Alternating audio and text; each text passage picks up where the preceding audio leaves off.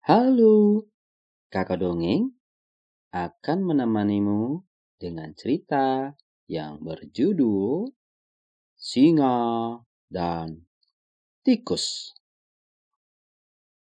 Singa sedang bersantai di bawah pohon.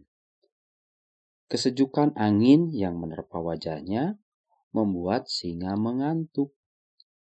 Lama-kelamaan, ia tertidur dan bermimpi indah. Saat singa bermimpi indah, tiba-tiba ia merasakan sesuatu melewati wajahnya. Singa terbangun dan melihat seekor tikuslah yang membangunkannya dari mimpi indah. Singa kesal dan menangkap tikus itu. Tikus ketakutan melihat singa yang sudah mencengkramnya dan mengaum keras. Dengan gemetar, tikus meminta maaf kepada singa. Tapi singa masih kesal dan tidak melepaskan tikus. Lalu, tikus memohon pada singa dan berjanji akan menolong jika singa membutuhkan bantuan. Singa tertawa mendengarkan ucapan tikus. Bagaimana mungkin hewan kecil bisa menolongnya? Lalu singa berpikir, tikus yang kecil jika dimakan tidak akan membuat dia kenyang.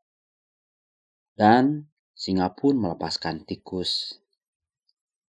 Tikus berterima kasih dan berjanji membalas kebaikan singa. Beberapa hari kemudian, singa berjalan-jalan di pinggir hutan. Tanpa sengaja, singa masuk dalam jebakan yang dibuat oleh pemburu. Singa meronta-ronta, tapi tidak bisa melepaskan diri. Ternyata, jebakan yang terbuat dari tali itu kuat sekali.